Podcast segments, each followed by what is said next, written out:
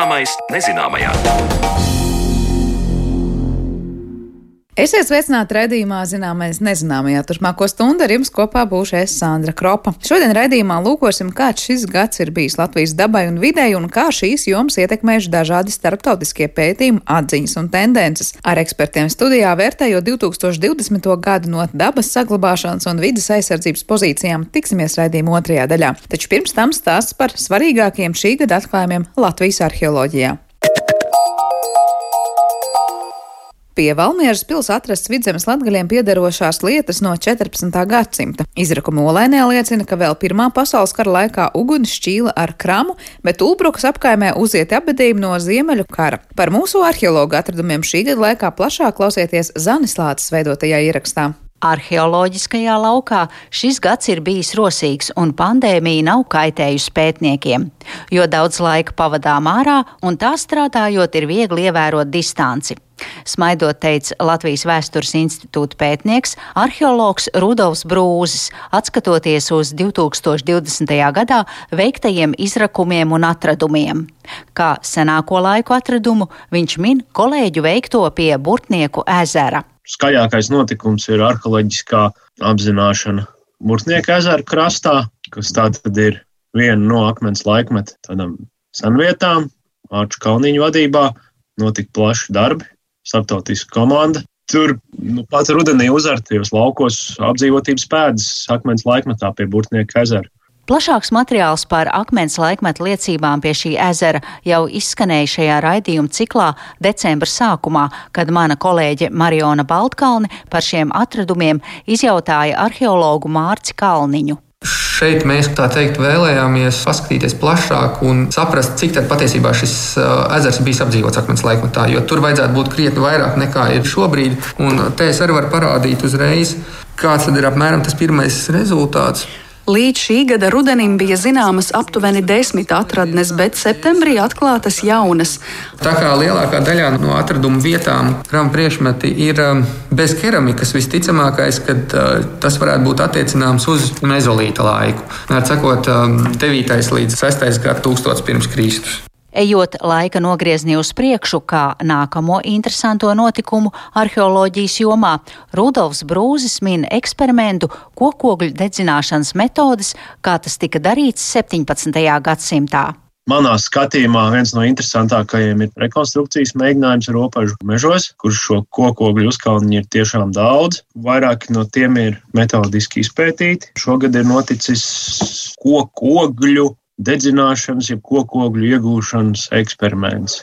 Manā skatījumā lielisks eksperiments, kas parāda, cik daudz resursu ir bijis jāpiesaista, lai varētu iegūt noteiktu daudzumu kokogļu, lai izdedzinātu šādu uzkalniņu ar kokoglēm. Pirms pāris dienām arī portālā LSM varam lasīt mūsu korespondentes Guntas Matisons plašāku materiālu par šo eksperimentu. Lūk, fragments. Tā kā ropaži ir gana tuvu Rīgai, tad jau 17. gadsimta dokumentos tiek pieminēti ropažu zemnieki, kas apgādā Rīgas monētu kaltuvs ar kokoglēm, lai varētu notikt kalšanas process. Tās tiek dedzinātas ēzē, jo šīm kokoglēm ir daudz lielāka siltuma atdeve nekā malkai. Tādi diezgan vērienīgi pētījumi ir notikuši Ropažu novadā un kopskaitā ir saglabājušies aptuveni 4000 dedzinātavu. Tā Guntai Matisonē ir teicis Ropažu novada attīstības daļas projektu vadītājs un vēstures izpētes un rekonstrukcijas kluba Rodenpojas dalībnieks Uģis Urtāns. Turpinot uzskaitīt un atcerēties vērtīgus atradumus Latvijas teritorijā, mans sarunu biedrs Rudolfs Brūzis min darbus pie Tukuma svētās trīsvienības evaņģēliska luteriskās baznīcas kapsētas. Tur atrastie abedījumi aptver laika posmu no 15. līdz 18. gadsimtam. Protams, arī interesantas lietas, retas lietas, retas galvasrotas, divas brokāta galvasrotas šajā kapsētā atrastas. Protams, ļoti daudz pārjauktu abadījumu, respektīvi cilvēku kauli saurupu atrast, kas ir nākuši no vēlāk ieraktu abadījumu rezultātā izpostītiem abadījumiem. Tukums, jā, tur varētu stāstīt ļoti ilgi, bet pārskrienot tālāk par šī gada arheoloģiskiem pētījumiem, tam sekoja izrakumi durbes mūžas, kas ir tukuma durbes mūža kalpu mājas iekšpagalmā. Interesantākais tur Protams, bija bruģēta apmale, kas ir veidota ap šo kalpu māju. Tāda veidot ir arī iekšpagalmā. Tika iegūta pietiekoši daudz datējošas informācijas, jo šādas kalpu mājas tiek pētītas gan reti, viņas ir saglabājušās diezgan maz. Latvijā nav tik skrupulozi pētīts šeit par durbu. Mums bija pieejams mākslas vēsturnieks Daņa Bruģa, tāds būvu vēsturniecisks, avotisks pētījums. Nu, tad ir šī arheoloģija, un tas ir tas, ar ko šādas kalpu mājas, teiksim tā, kultūrvēturiskā mantojuma tirgu var startēt ar savu izpēti, arī ar izpētes rezultātiem, jo, jo interjers un būvkonstrukcijas bieži vien nav saglabājušās. Līdz mūsdienām, ja šīs ēkas ir izdzīvojušas, brīnumainā kārtā tās ir pielāgotas dažādām modernākām funkcijām, kas vienkārši pakārto šo kultūrvēturiskā mantojuma saglabāšanu. Vērtīgas liecības par dzīvi viduslaikos ir atrastas šovasar pie Valmieras pils. Tur arheologi ir uzgājuši 14. gadsimta priekšmetus, kas piederējuši latgaļiem, kuri tolaik būvēja šo pili vācu ordeņa bruņiniekiem. Šeit izdevās atrast to, kas bija pamatu uzstādījums 38. un 39. gada pētījumiem. Toreiz Baumirs inteliģents biedrība gribēja atrast Latgaļu pili. Bija tāds uzstādījums arheologiem, lūdzu atrodiet Elvīriešu norē konkrēti. Uzstādījums bija atrast Latgaļu pili. Protams, ka Latgaļu pils tur nav, bet no Elvīriešu nora atrada vairākus ar vidzemes latgaļiem saistītus priekšmetus, un tas bija tas, ko toreiz izcēla. Jāatzīmē, ka šādus priekšmetus atradām arī mēs, latgaļiem. Tas bija vairoga aproces fragments. Jā, viņš apmēram ir 14. gadsimts. Protams, atradām arī latgaļu sievietes vainaga bizes rotājumus, tādus piekariņus vietējiem iedzīvotājiem raksturīgas keramikas lauskas, tāda maza podziņa, ēdienu gatavošanas podziņa lauskas. It kā šie ir tādi, tikai tādi fragmenti, bet viņi diezgan labi sasaucas ar, ar narratīvo vēsturi, ar folkloru. Proti, ir fiksēta teika, no stāsts, ka pilsētas celšanas laikā strādājuši ir vietējie iedzīvotāji pie šīs pilsētas būvniecības. No rīta pilsētas cēlāji braukājuši pa mājām, vākuši pienu, kas tā tad ir nepieciešams šeit mūra javai. Dažreiz to pat dēvē par piena jāvu vai par olu jāvu, jo tiešām analīzes uzrāda, ka javā ir bijis klāts piens vai olas, lai tās vienkārši būtu plastiskākas šī mūra java. Tas vien pierāda, ka šai teikai varētu būt zināms vēsturisks pamats. Un šie atradumi pils būvbedrē norāda tiešām šai teikai ir reāls vēsturisks pamats. Mums ir pamats šai teikai ticēt, ka tiešām latgaļi ir strādājuši un šīs rotas lietas darba laikā ir vienkārši noņemtas vai saplīsušas. Šajā gadījumā vairoga aprots ir saplīsusi, trauki, latgaļiem raksturīga keramika. Ļoti labi bija tas, ka izdevās šos traukus atrast ar visu iekšējo piedegumu, Respektīvi, mēs varēsim noteikt to, kas ir bijis šo cilvēku galvenais uzturs pili būvējot, respektīvi, analizēt šo te piedegušo ēdienu paliekas no traukiem. Varbūt svarīgākais atradums līdzās šīm latgaļu substancē ir šķērssienas atsegums kanalizācijas tranšajā, respektīvi, rokot kanalizācijas tranšajā jaunai muzeja ēkai, tika atsekts ap divu metru garš un, un pusotru līdz divu metru plats mūra fragments, kas vismaz pēc plāniem nolasās kā šķērsiena, kas ir atdalījusi Valmieras pili no šīs pils pirmās priekšpils. Tad nosacīti, tā pavisam vienkāršot teikt, kungu galu no, no saimniecības vai, vai, vai, vai apkalpojušā persona apdzīvotās teritorijas. Varēja labi saprast, ka kur ir dzīvojis šis vadības bloks, šis administratīvais personāls. Šis mūrējums ir ļoti gluds un, un tātad pret saimniecības daļu, ekonomisko zonu, jeb, jeb, jeb pilsētas apkalpojušā personāla apdzīvoto zonu, jeb priekšpili mūrējums bija rupšs. Tik tālu par saviem šī gada atradumiem stāstīja Vēstures institūta pētnieks arheologs Rudolfs Brūzis, bet turpinājumā sarunas ar vēl diviem vēstures pētniekiem par jaunāku laiku atradumiem. Šo pavasaru Stopiņu novadā, veicot elektrolīnijas izbūves darbus, tika uzieti abedījumi, kas liecina par mēri, kas plosījās Ziemeļu kara laikā 1710. gadā. Par to telefona sarunā stāsta arheologs Mārtiņš Lūsēns. Apsekojot, kopumā konstatēja, ka tur ir kā 23 apglabāti cilvēki, Un pēc līdzdotajiem priekšmetiem bija skaidrs, ka tie ir um, pareizticīgie. Tie klasiskie pareizticīgo krustiņi vairākiem bija kaklā. Ja? Uzreiz bija skaidrs, ka tie ir karavīri. Jau bija tādas raksturīgas lietas kā uniforma pogas, ļoti daudz ja? ar tādiem speciāliem pat vēl iegravētām ziedu attēliem, citas atkal bija vienkārši glūtas tāds misiņu pogas, gandrīz pie katra no šiem apbedītajiem tad bija arī, nu, teiksim, tāda klasiska karavīra lieta, kā, nu, musketes aizdedzes skramiņi, tie tādi speciāli skaldīts četrstūri krāma gabaliņi, ar, ar kuru tad pa musketes to pelzi uzsitot radās dirkstē un aizskās pulvēs. Nu, šīs lietas kopā lika domāt, ka tie ir 18. gadsimta sākumā Pētera pirmā karaspēka no tā laika, kad tika aplenkta Rīga 1710. gadā. Un, un, un pēc rakstītiem avotiem zināms, ka gan pilsētā, gan karaspēka nometnēs ārkārtīgi stipri plosījās mērs. Ja. Bija ļoti daudz mirušie, un tā tad vajadzēja viņus arī visus kaut kur apglabāt. Un acīm redzot, kaut kur netālu ir atradusies viena no šīm karaspēka nometnēm, un līdz ar to viņi nekur pārāk tālu nav vesti, un turpat arī ir, ir glabāti. Protams, visus šī gada laikā notikušos arheoloģiskos izrakumus šajā sižetā ietvert nevar, tāpēc noslēgumā ieskats vienā no jaunāko laiku atradumiem, kas jau pāris gadus norisinās Olainas pusē. Proti runa ir par arheoloģisko izpēti Pirmā pasaules kara vēstures izziņas maršrutā. Par to attālinātā sarunā stāsta Olainas mākslas un vēstures muzeja vecākais speciālists, vēsturnieks Māris Ribītskis. Pirmo pasaules karu ļoti reti, pēta ar arheoloģiskajām metodēm.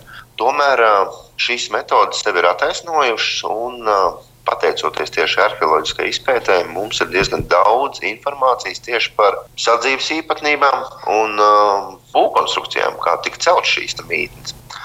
Nu, atradumi ir dažādi kā interesantākais, ko mēs esam atraduši tieši šogad, tas ir krams, kas pierāda, ka pat tik senas metodes karavīri Pirmā pasaules kara laikā pielietoja, lai iegūtu uguni. Acīm redzot, sērkociņu šķiltavas bija samirkušas, nu, un tad viņi izmantoja kramu. Par arheoloģiskiem izrakumiem 2020. gadā Zana Lāca sarunājās ar vēsturnieku Māri Ribicki un arheologiem Rudolfu Brūzi un Mārtiņu Lūsēnu. Bet par to, kāds šis gads bijis raugoties no vidas aizsardzības viedokļa, mēs parunāsim raidījuma turpinājumā.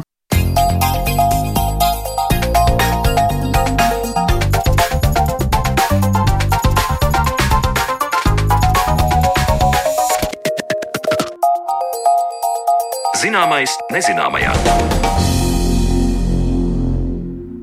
Finišam tuvojas dabas skaitīšana Latvijā. Mēs esam sagaidījuši nepārāk laimojušus ziņojumus par dabas daudzveidības samazināšanos kā pasaulē, citvietā arī pie mums.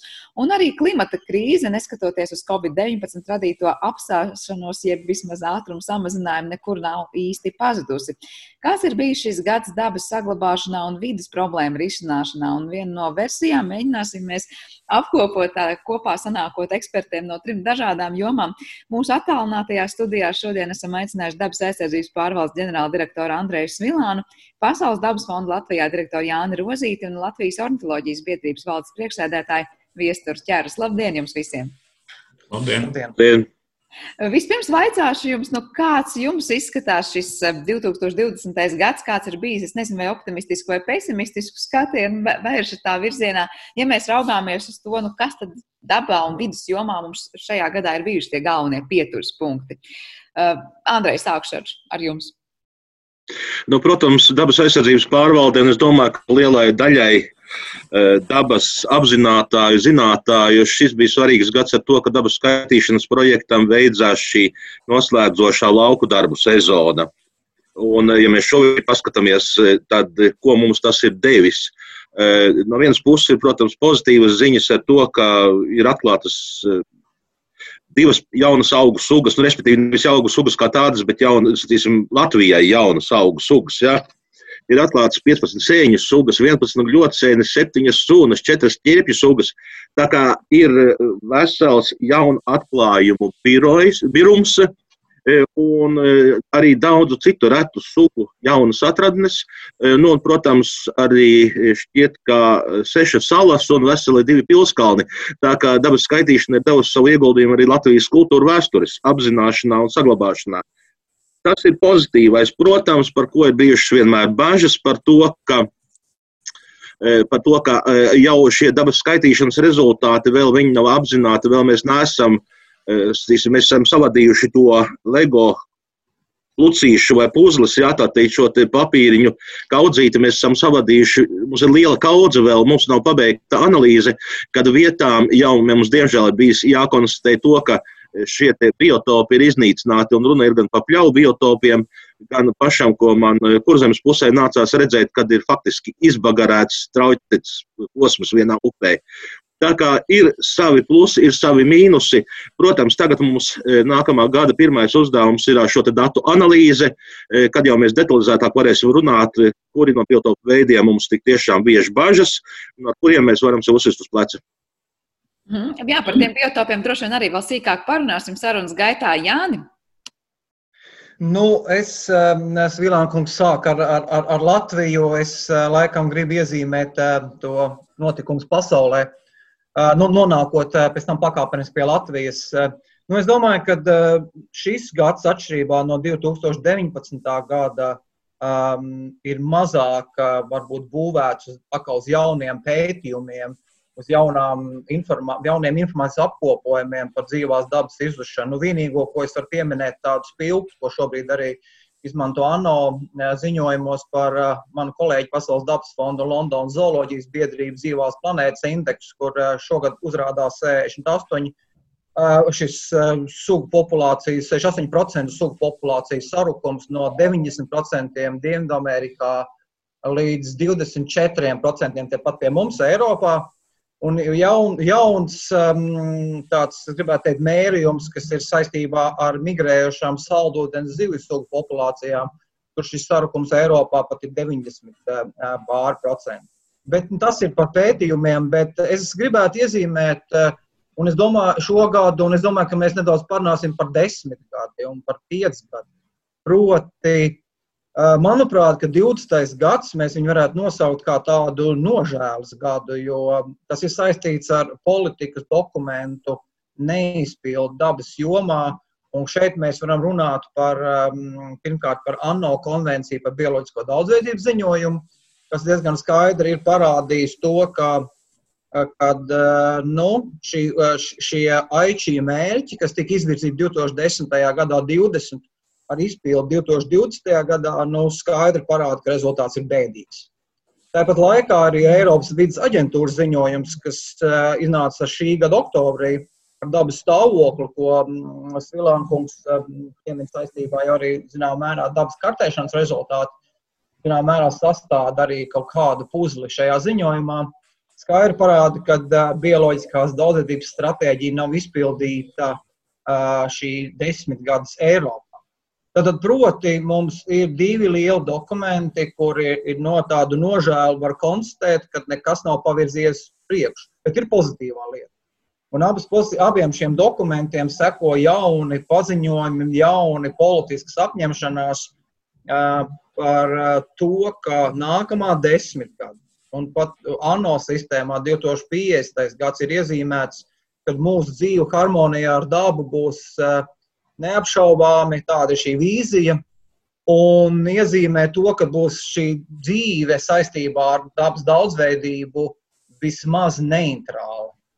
Tas nozīmē, ka tie ir lieli, lieli teikt, uzdevumi, un šos, nu, šo solījumu ir akceptējuši vairāk kā 80 valstis, valstu vadības, un ar, arī ar šīm valstu vadībām kopā biznesa sektori, Pasaules banka, Pasaules veselības organizācija. Tāpat laikā ir iznākusi arī Eiropas bioloģiskās daudzveidības stratēģija, kas ir ļoti ambicioza, un, nu, un šī stratēģija no lauka līdz galdam. Līdz ar to es eh, tādā, nu, gribētu teikt, ka eh, pasaules līmenī mēs esam pateikuši, ka mēs esam desmit gadus tikai un vienīgi runājuši, nav fundamentāli panākumu praksē, un tagad diezgan platiem soļiem jāiet uz priekšu, un visi apzinās, ka šie uzdevumi ir, nu, ir jāizpilda. Un skatīsimies, kā tas notiks tālāk. Jā, tāds diezgan pesimistisks skats arī par šiem neizpildītiem uzdevumiem. Gribējusies parunāt vēl plašāk, redzēsim, cik ļoti paspēsim šajā pusstundā. Es tagad gribu dot vārdu viesturam, varbūt izstāstīt to savu redzējumu par to 20. gadu un cik lielā mērā būs tās pozitīvās vai negatīvās notis sadzirdams. Uh, jā, es droši vien gribu sākt ar divām pozitīvām lietām, un, uh, un tās ir svarīgas mūsu putnu izpētes un aizsardzības lauciņā, un tie, es teiktu, ir pat ne gada, bet, bet 20 gadas notikumi. Uh, viens no tiem ir pavisam svaigi iznākušais Eiropas likstojošo putnu atlants, un iepriekšējais pirmais iznāca 97. gadā, un kopš tā laika ir visu laiku gaidīts, kad beidzot būs jauns. Un, un šis pētījums par Eiropas likstojošo putnu izplatību un, un tās pārmaiņām noteikti būs ļoti svarīgs pamatķieģelis tajā turpmākajā darbā, kas ir saprast, ko mēs esam izdarījuši nepareizi bioloģiskās daudzveidības saglabāšanā un ko mēs varam darīt labāk turpmāk. Un otrs arī pasākums, ko mēs teicām jau pirms 20 gadiem, ka tā vajag, bet esam nonākuši reāli līdz tam tikai tagad, ir svinu skrošu izskaušana medībās mitrājos. Tā kā tās ir tās labās lietas, bet es neapšaubāmi gribu uzsvērt arī to, ko Jānis Rozīts jau minēja, kas ir bioloģiskās daudzveidības stratēģija, eh, jo tiešām visi ziņojumi eh, rāda, ka mēs nesasniedzām 2010. gada mērķi saglabāt bioloģisko daudzveidību, nesasniedzām 2020. gada mērķi, bet tagad šī stratēģija ah, ņemot vērā to, ka mums ir arvien labāka informācija par visu, eh, teiksim, pieminētais putnu atlants, bet ne tikai tas, no informācija ir daudz gan, gan Eiropas mērogā, gan Latvijas mērogā. Šī stratēģija ir tāds uz labiem datiem zinātniski pamatots plāns, kur dod Dievs, ja šis iziet cauri visiem politiskajiem filtriem. Ja mēs skatāmies optimistiski, tad šis var būt tas eh, instruments, ar ko mēs beidzot šos bioloģiskās daudzveidības saglabāšanas mērķus sasniedzam. Eh, un eh, kas man šķiet būtiski daži aspekti no šīs stratēģijas. Viņi runā par aizsargājumām teritorijām, par to, ka jānodrošina to, ka 30% teritorijas tiek aizsargāts un 10% tiek aizsargāts stingri. Stratēģija runā par nepieciešamību saglabāt vecos mežus, par pesticīdu lietojumu mazināšanu, un stratēģija, kas arī ļoti būtiski runā par ekosistēmu atjaunošanu. Tāpēc, kā jau teicu, mēs to mērķi nesasniedzam desmit gadu pēc desmit gadus, un mēs visu laiku runājam par bioloģiskās daudzveidības saglabāšanu esošajā līmenī, bet tas esošais līmenis visu laiku iet uz leju un uz leju. Eh, un, un tāpēc, tāpēc šis plāns var Eh, beidzot palīdzēt to līmeni celt uz augšu. Un eh, no šī lielā plāna atkal eh, nonākot līdz Latvijai ir vērts atzīmēt, ka lielā dabas skaitīšanas projekta ietvaros ne tikai tiek kartēti biotopi, bet arī izstrādāt suga aizsardzības plāni. Un gada sākumā tika apstiprināts suga aizsardzības plāns pūcēm, rudenī tika pabeigts, bet vēl nav no ministra apstiprināts suga aizsardzības plāns dzeņiem. Uh, kas ir divi tādi dokumenti, kas lielo Eiropas plānu eh, stratēģiju var palīdzēt novest uz zemes šeit, Latvijā. Šeit man kolēģi, jo īpaši jāatzīmē Andris Avotiņš, ir ļoti smalki analizējuši šo sugu prasības pēc dzīvotnes, un līdz ar to jau var uz kartes parādīt, kuras tad ir tās teritorijas, kas būtu jāaizsargā. Un aizsargājot zeņus un pūces, mēs aizsargājam daudz ko citu arī no meža dabas, nevis tikai šīs te konkrētās. Eh, viestur man papildu jautājums, ja šobrīd var parādīt kartē, kuras tās teritorijas ir, vai tad šobrīd tajās teritorijās pilnīgi noteikti nav nekāda aizsardzības eh, prasības jāievēro ja šīm sugām? Ne, tas ir dažādi. Ir, ir, nu, protams, ka daļa no pūcēm un ceņiem svarīgajām teritorijām iekrīt arī tajās teritorijās, kas jau ir īpaši aizsargājums. Nu, teiksim, tas pats ķemēra Nacionālais parks. Nu, tur ir izcili meži, kas ir ļoti piemēroti gan, gan pūcēm, gan zeņiem. Bet jā, ir arī daļa teritoriju šīm putnu grupām un līdz ar to arī meža dabas daudzveidībai kopumā, kas ir šobrīd ārpus aizsargājumām teritorijām. Tāpat kā šī īpaši aizsargājumie biotopi ir ārpus šobrīd aizsargājumām teritorijām, pietiekami daudz. Un tā ir tā daļa, par ko mēs uztraucamies. Un, un pat neuztraucamies, pat zinām, ka daļa no šiem uh, svarīgajiem mežiem jau ir nocirsta. Nu, mēs varam tikai cerēt, ka pēc iespējas mazāk paspējas izcirst, līdz mēs nonāksim līdz reālai šo svarīgo mežu aizsardzībai. Kā panākt, lai neatkārtojas tas pats scenārijs, ka mēs varam secināt tikai pēc tam, ka tā aizsargājumā teritorija jau ir nu, vienā gadījumā nocirsta, otrā gadījumā uzvērta vai kā citādi? Ja mēs runājam vispār plašāk par šo problēmu. Nē, nu tas, tas nav viegli, tāpēc ka redz, no vienas puses ir, ir stāsts par kompensācijām, kas, protams, ir obligāti un par ko mēs visu laiku esam iestājušies, ka meža īpašniekam ir jābūt apmierinātam ar, ar saņemto kompensāciju, lai, lai viņš tad uh, varētu priecīgs uh, necirst mežu un atstāt viņu ēglim, pūcei, dzenim vai aizsargājumu mežu, mežu biotopam. Uh, bet ar kompensācijām vien jau nepietiek, ir vajadzīga arī vēlēšanās to sargāt, un reizēm tā ir politiska vēlēšanās, jo uh, jo nu, kompensācijas tas ir stāsts par privātiem meža īpašniekiem, bet mēs zinām, ka šie dabai svarīgie meži tiek izcirsti arī valsts mežos, kur nu, kompensācijas īsti neko nemaina. Valsts pats sev kompensāciju nemaksās. Tāpēc tur ir vajadzīgs tiešām politisks lēmums, ka mēs gribam šīs teritorijas sargāt. Jo, nu, redz, tu man ievirzīji mazliet pesimistiskā gultnē. Bet eh, jau runājot par šiem ziņojumiem, kam mēs pieskārāmies par sugu un biotopu stāvokli, tur tiek apstrīdēts, vai tie ir objektīvi no, no meža nozars puses. Un eh, šobrīd, kad mēs zinām, ka tie aizsargājumie biotopi tiek, tiek cirsti, nu, es, diemžēl, esmu pārliecināts, ka tāpat pēc sešiem gadiem tie paši, kas šos biotopus cērt šobrīd, apstrīdēs to, ka šie biotopi ir sliktā stāvoklī. Lai gan tas ir pilnīgi viens no otra izrietoši. Tu nevari izcirst biotopus un teikt, ka viss ir kārtībā. Bet kā sanāk, nu kā panākt, lai tas, ko tagad dabas skaitītāji ir ieraudzījuši, vai tas, ko mēs tagad konstatētu, cik kam ir jābūt īpaši aizsargājumam vai vienkārši aizsargājumam, lai tas tiešām tāds arī būtu ne tikai uz papīra, vēl labākajā gadījumā, bet arī reālajā dzīvē?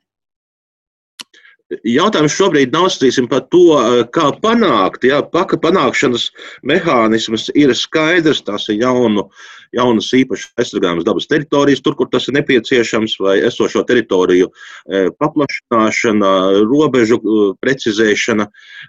Tas ir viens. Otrs ir tas, cik mēs to operatīvi varam izdarīt. Tur, tur šī problēma ir tas, ka Ja šobrīd mēs esam izsūtījuši dabas skaitīšanas rezultātus īpašniekiem, apsaimniekotājiem, valdītājiem, un kamēr, kamēr šis, šie dati tiek analizēti, kamēr viņi iegūs juridisku veidolu, juridisku ietvaru, juridisku statusu, ja, šeit, šajā brīdī šie biotopi un sugas, kas tur ir, viņas ir krietni ievainojamas, jā, protams.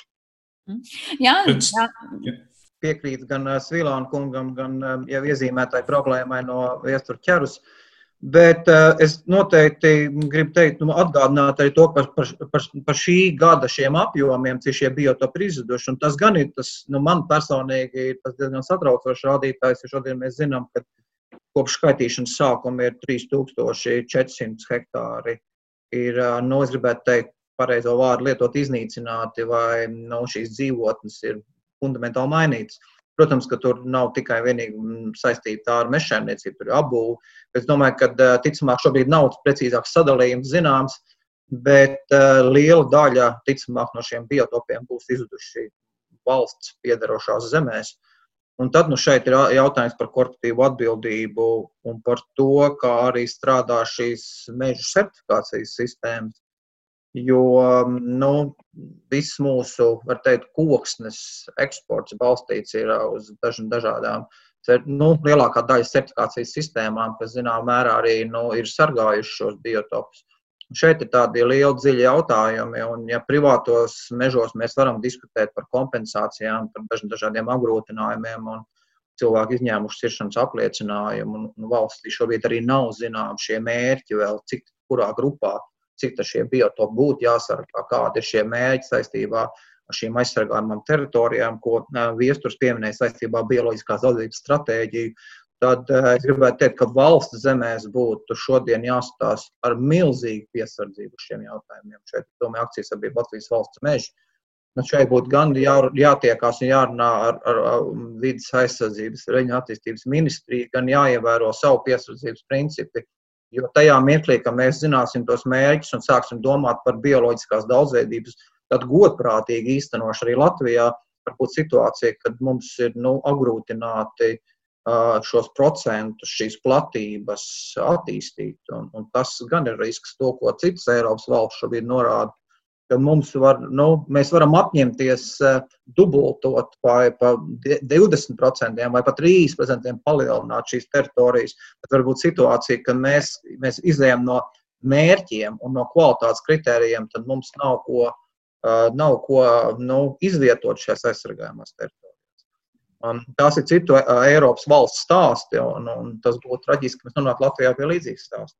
Proti, ka mēs pārāk lēni darbojamies, kamēr mēs šīs visas lietas sakārtojam. Beig, Jā, ka mēs, vienā, mēs lēni ejam, mēs varam iet lēni ar mērķiem, un mēs varam lēni iet ar, ar savu plānojumu, un tāpat laikā kāda nozare nu, nodara to kaitējumu tik lielu, ka mēs pēc tam vairs nevaram nu, sasniegt šo, šīs vajadzības tas ir milzīgs risks. Tāpēc es noteikti aicinātu, un mēs esam arī nevalstiskās vidas organizācijas aicinājuši akciju sabiedrību Latvijas valsts mežu šobrīd, kamēr nav šie mēķi zināmi, kamēr nav skaidra nostāja valstī, kā tiks šīs Natūra 2000 teritorijas palielinātas, ja tās tiks palielinātas. Tad nu, apturēt šo bioloģiski augstvērtīgo mežu ciršanu. Viestura, zinu, ka bija piebilde pirms brīža, laikam nesadzirdējām tevi. Nu, tad, tad tas bija tikai mazs komentārs, jo tad, kad sākās dabas skaitīšanas projekts, tur, lai eh, nesabiedētu uh, privātos meža īpašniekus, tika panākta politiska vienošanās uh, nepaplašināt aizsargājamo meža teritorijas, kamēr dabas skaitīšanas rezultāti nav apkopoti un izanalizēti. Un, diemžēl šobrīd mēs redzam, ka ministrijai un dabas aizsardzības pārvaldei gribot paieties pretī meža īpašniekiem, to nu, nevairoties šī vārda, ļaunprātīgi izmanto valsts meža apsaimniekotāji, kam tā kā vajadzēja izturēties īpaši atbildīgi pret šo kopējo labumu. Ja drīkst vienu komentāru vēl, tad e, šis gads bija saudabīgs arī ar to, ka patieši par šo pretī stāvēšanu dabas vides aizsardzības sistēmas un Un es negribētu to saukt par meža saimniekiem, varbūt tās drīzāk par meža sadīsim, pārzinātājiem, izsēmniekotājiem. Es nezinu, kādā veidā, kādu terminu varētu lietot. E, proti, ņemsim vērā to, ka bija pat mēģtiecīgas kampaņas, e, kad dabas skaitīšana tika ļaunprātīgi izmantota. E, proti, mežu spekulācijām, mežu izpirkšanai par lētu naudu. Pa vidzem bija izlīmēti plakāti, ka ātri ārtitri pārdod mums savu mežu, pirms tur vēl nav daba saskaitīta. Jā, par to tiešām arī mēs bijām runājuši iepriekš, un bija dzirdēti šie gadījumi, kad cilvēki tiek iebiedēti ar dabas skaitītājiem. Un, var teikt, nu, vēlreiz tā kā ir akcentēta ideja, it kā, ja tavā teritorijā atrod ko dabai vērtīgi, tas tev var būt neizdevīgi. Es saprotu, ka mēs visi, gan žurnālisti, gan nevalstiskās organizācijas, arī esam pielikuši pūles, vismaz lai skaidrotu sabiedrībai, ka tas, kas tev ir dabai vērtīgs tavā teritorijā, nebūtu nenozīmē, ka tas tev var nākt par sliktu. Bet, ja mēs runājam par šo gadu un par to, kādas nu, vēršanās pret ko ir bijušas, es zinu, ka pesticīdu kontekstā bija vismaz pasaules līmenī diezgan tādas tiesas prāvas sākušās saistībā ar vidas aktīvistiem un arī zinātniekiem, kas pasaka to, ko domā vai ko ir izpētījuši. Vai jūs saskatāt, ka pesticīdu un visu šo līdzekļu lietošanas kontekstā mums ir kaut kas vērā ņemams Latvijā bijis šajā gadā jāpiemina vai nu, noteikti jāatcerās un jāliek aiz savus nākamam gadam? Nu, es domāju, ka noteikti šī diskusija par pesticīdiem un, ir attīstījusies nu, diez, ļoti strauji. Un, nu, es, es redzu arī aptauju rezultātus, un arī Latvijā, kad eh, šie pesticīdu jautājumi arī sabiedrībai ar vien vairāk eh, kļūst aktuāli. Un es redzu arī, ka šobrīd Eiropas līmenī šis jautājums, arī, kā jau mūsu pieminētajās stratēģijās, tiek akcentēts. Nu, es prognozēju, ka, ka, š, ka pesticīdu um, pielietojums nākamajos gados gan ar kaut kādu normatīvo bāzi, gan ar pašu lauksaimnieku rīcību, nu, kaut kādā veidā būs mēģinājumi to samazināt. Arī paši lauksaimnieki, domāju, meklēs risinājumus, kā varētu nu, nosacīta sabiedrības spiediena rezultātā mainīt savas attieksmes. Protams, tas būs lēni, un, un tur visādi būs mēģinājumi atkal tehnoloģijas, tehnoloģija pārējais, bet šeit es varbūt pat ticētu tādam pozitīvam, pozitīviem soļiem turpmākos, turpmākajos gados. Un, un, protams, ka šajā gadā bija arī šī bišu akcija un pesticīdi. Un ļoti daudz šajā gadā tika runāts arī Latvijā, bija dažādi diskusiju fórumi, bija nebeidzamas diskusijas sociālos tīklos. Arī, nu, Sandra, arī jūsu kolēģi diezgan daudz tiešām žurnālisti pievērsās šim jautājumam, gan uzklausot uh, vides speciālistu, gan lauksaimnieku viedokļus. Bet uh, šeit tiešām ir sajūta, ka nu, varētu būt kaut kāda tuneļgalā gaisma liet, uh, saistībā ar šo pesticīdu pielietojumu. Vai vēl no klātesošiem ir par pesticīdiem kāds arī ko piebilst par šo aspektu, vai virzāmies tālāk? Jā. Varbūt tās negluži par pesticīdiem, par faktiski tas, ko mēs pieminējām par mūsu mežsaimniecības politiku. E, tas pats ir par lauksaimniecību. Ja? Mums ir skaidri redzams, ja, ja e, pēc 90. gadiem mums bija liela Latvijas daļa pārklāta ar ušņu laukiem, e, ar krūmājiem, kas veidoja zināmā mērā veidoja mozaīku veida ainavu. Protams, tas bija labvēlīgs laiks daudzām dzīvnieku sugām un arī augu sugām. Un šobrīd mēs redzam to, ka mm, lauksaimniecība pie mums attīstās, ka šīs teritorijas paliek arvien lielākas, viengabalainākas, bez saurupām, koku vai krūmu grupām. E, bez atsevišķiem kokiem. Līdz ar to, protams, arī lauksaimniecības attīstība kā tāda izdara savas korekcijas sugu sastāvā, e, atsevišķām sugām uz labvēlīgo pusi, citām, protams, uz nelabvēlīgo. Jā, nu, laikam par lauksaimniecību runājot, mēs atkal nevarētu nerunāt par putniem un to, kā tas ietekmē un kā mēs saimniekojam laukos, atstāja iespaidu uz ļoti daudz ko tālāk ekosistēmām. Bet Mums pamazām jau būs drīz jāliek punkts šai sarunai, kurā, protams, mēs varam tikai teikt, ka esam ieskrējušies dažu, dažu aspektu apzināšanā. Bet vēl viens atslēgas vārds šim gadam noteikti bija varbūt atkritumu un depozītu sistēma. Es zinu, ka Pasaules dabas fonds arī par šo vēlas, laikam, vismaz izteikt to savu redzējumu, kā mēs esam pavirzījušies savu mērķu sasniegšanā šajā jomā uz priekšu šogad. Nu, katrā ziņā es gribētu pat teikt, ka tas iespējami ir šī gada notikums vidus jomā. Un, protams, jāsāk ar to, ka nu, depozīta sistēma nekādā veidā nevar, um, nevar uh, nu, likvidēt visas problēmas, kas ir atkrituma apsaimniekošanā. Mums jāsaprot, ka depozīta sistēma nav atkrituma apsaimniekošanas plāns. Depozīta sistēma ir tāds, nu, es gribētu teikt, liels solis aprits ekonomikas attīstībā. Un, ja pagājušais gads bija nozīmīgs ar to, ka vispār nu, saima lēma par to, ka depozītam jābūt, tik nostiprināts tas likumā, tad šogad ir, nu, ir gājuši priekš šie notikumi, ir attīstījušies ministra kabineta noteikumi, jau, jau aprakstot jau detalizētāk šo tvērumu. Bet, nu, kā vidas nevalstiskās organizācijas pārstāvis, es noteikti vēlos uzsvērt trīs lietas. Pirmkārt, lai tiešām šī depozīta sistēma nestu pienesumu mums aprits ekonomikā, aprits ekonomikas atbalstā, un tas būtu noteikti eh, tas solis, ka mēs sagaidītu šo tāras atgriešanos dzīvē. Eh, otrs ir tas, ka eh, šai sistēmai jābūt sabiedrībai ērti lietojamai, nevarētu būt nekādu apgrūtinājumu cilvēkiem iesaistīties šajā sistēmā. Un trešais ir, protams, kad mēs sagaidām, ka tā būs nu, pēc iespējas noturīgāka pret krāpniecību un noteikti neprasīs papildus finansējums no sabiedrības kopumā.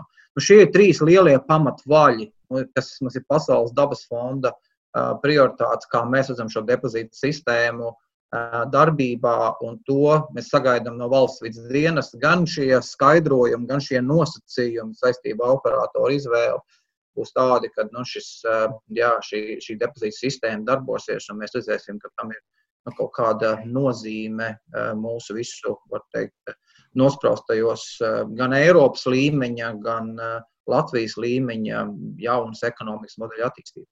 Jā, nu pats galvenais ir lietotājiem ērti, ērti sasniedzam un lietojam, jo, ja jau tas nebūs, kas saka, gada lietotājiem, ērti, diezin vai tās plašās cilvēku masas ies un tiešām tajā visā piedalīsies. Bet noslēdzot šo sarunu pavisam īsi, vai varu jūs, lūgt jūs katru pateikt nu, savu redzējumu tam, uh, Kas mums būtu nākamajā gadā jādara, vai uz ko varbūt viena lieta jāfokusēs pavisam noteikti, lai mēs nesacinātu atkal pēc gada? Nu, gads bija tāds, kur mums bija skaisti mērķi, bet, bet rezultāts joprojām ir gaužām bēdīgs vai nav. Līdzīgi kā Jānis teica šajā te sarunas sākumā, ka mums bija liela mērķi, mums bija liela plāna, bet rezultātu nav. Varbūt sākšu viestur no šī gala ar to, kas būtu tā numur viens lieta, ko gribētos nākamajā gadā, lai izdodas realizēt. Jā, uh, angliski ir tāds teiciens, put your money where your mouth is, un es domāju, tas būtu tas eh, būtiskais, respektīvi, likt naudu tur, kur ir mūsu vārdi. Uh, tātad, uh, lai šie plāni īstenotos, šie labie plāni ir neapšaubām svarīgs arī atbilstošs līdzekļu izlietojums, kas nozīmē gan kompensācijas meža īpašniekiem, gan atbalstu bioloģiskajiem lauksaimniekiem, uh, respektīvi nauda eh, zemes īpašniekiem, dabai draudzīgai saimniekošanai, un no otras puses eh, netērēt naudu subsīdijām, kas dabu noplicina. Tātad aiz šī visa ir jābūt arī domai par, par mūsu kopējā budžeta izlietošanu. Jā, paldies. Jā, varam tā īsi un kodolīgi. Jā, es, es man ļoti līdzīgas domas ar, ar, ar viesturu, tikai varbūt nedaudz citādāk kā gultnē. Uh, Nākamais gads būs ļoti nozīmīgs, nu, teikt, tajā virzienā, kur mēs un kā tērēsim citu naudu, atvesļošanās noturības mehānismu naudu, kas mums ir Eiropā pieejams. Un mums ir skaidrs, zināms, ka mums ir gan klimats ietverts, gan ekonomiska attīstība. Un jautājums, vai šie finanšu ieguldījumi tiešām virzīsies gan uz aprits ekonomiku, gan uz klimata neutralitāti, uz bioloģiskās daudzveidības neutralitāti, vai arī tas būs iztērēts ikdienas vajadzībām bez ieguldījumiem nākotnē. Tas tiešām nu, mēs pasaules dabas ļoti aktīvi seko līdz tam, kas ir bijis šajā otrajā pusgadā un kas būs nākamā, ticamāk, skatīsimies, kas būs nākamā gada sākumā. Kā tad Latvijas valdība reaģē uz šiem pieejamiem finansējumiem, finansējumiem nosaukumu atvesaļošanās un noturības mehānismus. Mm -hmm, jā, paldies. Nu, tad, Andrej, noslēdzošais vārds. Nu, ja sugu e, skaitīšanas projekts tuvojas izskaņai un savam e, noslēgumam, tad e, dabas aizsardzības pārvalde ir uzsākusi vairākus jaunus projektus, kas ir kā reiz vērsti uz sugu un biotopu labvēlīgu statusu nodrošināšanu, uz biotopu apsaimniekošanu. Bet, ja runājam par Covid, es domāju, ka Covid visām tām nelaimēm, ko Covid sev nesis līdzi, ir nākusi viena, es domāju, ka, nu, zināmā mērā laba apziņa. Covid mums parādīja, cik svarīga ir Latvijas daba, ka Latvijas daba ir tiešām dabas kapitāls, kurš pēkšņi, ja viņš vienu brīdi lielai daļai sabiedrības likās, ka viņš ir mazo zaļo dīvainīšu ambīciju objekts, tad Covid parādīja to, ka tas mums ir ļoti svarīgi un visai sabiedrībai, un ne šodien, bet īpaši nākotnē. Jā, paldies. Un kā Vēstures jau teica, galvenais būtu labi, ja mēs to apzinātos ne tikai vārdos, bet arī darbos un arī visos finansējumos. Teikšu jums lielu paldies par šo tiešām ieskrējienu, mazliet apskatīties uz to, kāds ir bijis 2020. gads, jo to raugāmies no vidas aizsardzības un dabas perspektīvas. Dzirdējām, tad atgādināšu šajā raidījuma pusstundā dabas aizsardzības pārvaldes ģenerāla direktora Andreja Smilānu, Pasaules dabas fonda Latvijā direktora Jāni Rozītu un Latvijas ornitoloģijas biedrības valsts priekšsēdētāju Viesturu ķeru. Ar to arī šis raidījums raidījums ir izskanējis. Par to parūpējās producents Armītas Kolāte un mūzikas redaktors Girds Bišs. Atgādināšu, ka zināmais nezināmajās stāstus varat klausīties arī populārākajās podkāstu vietnēs, un ar to es jums atvados. Visu labu!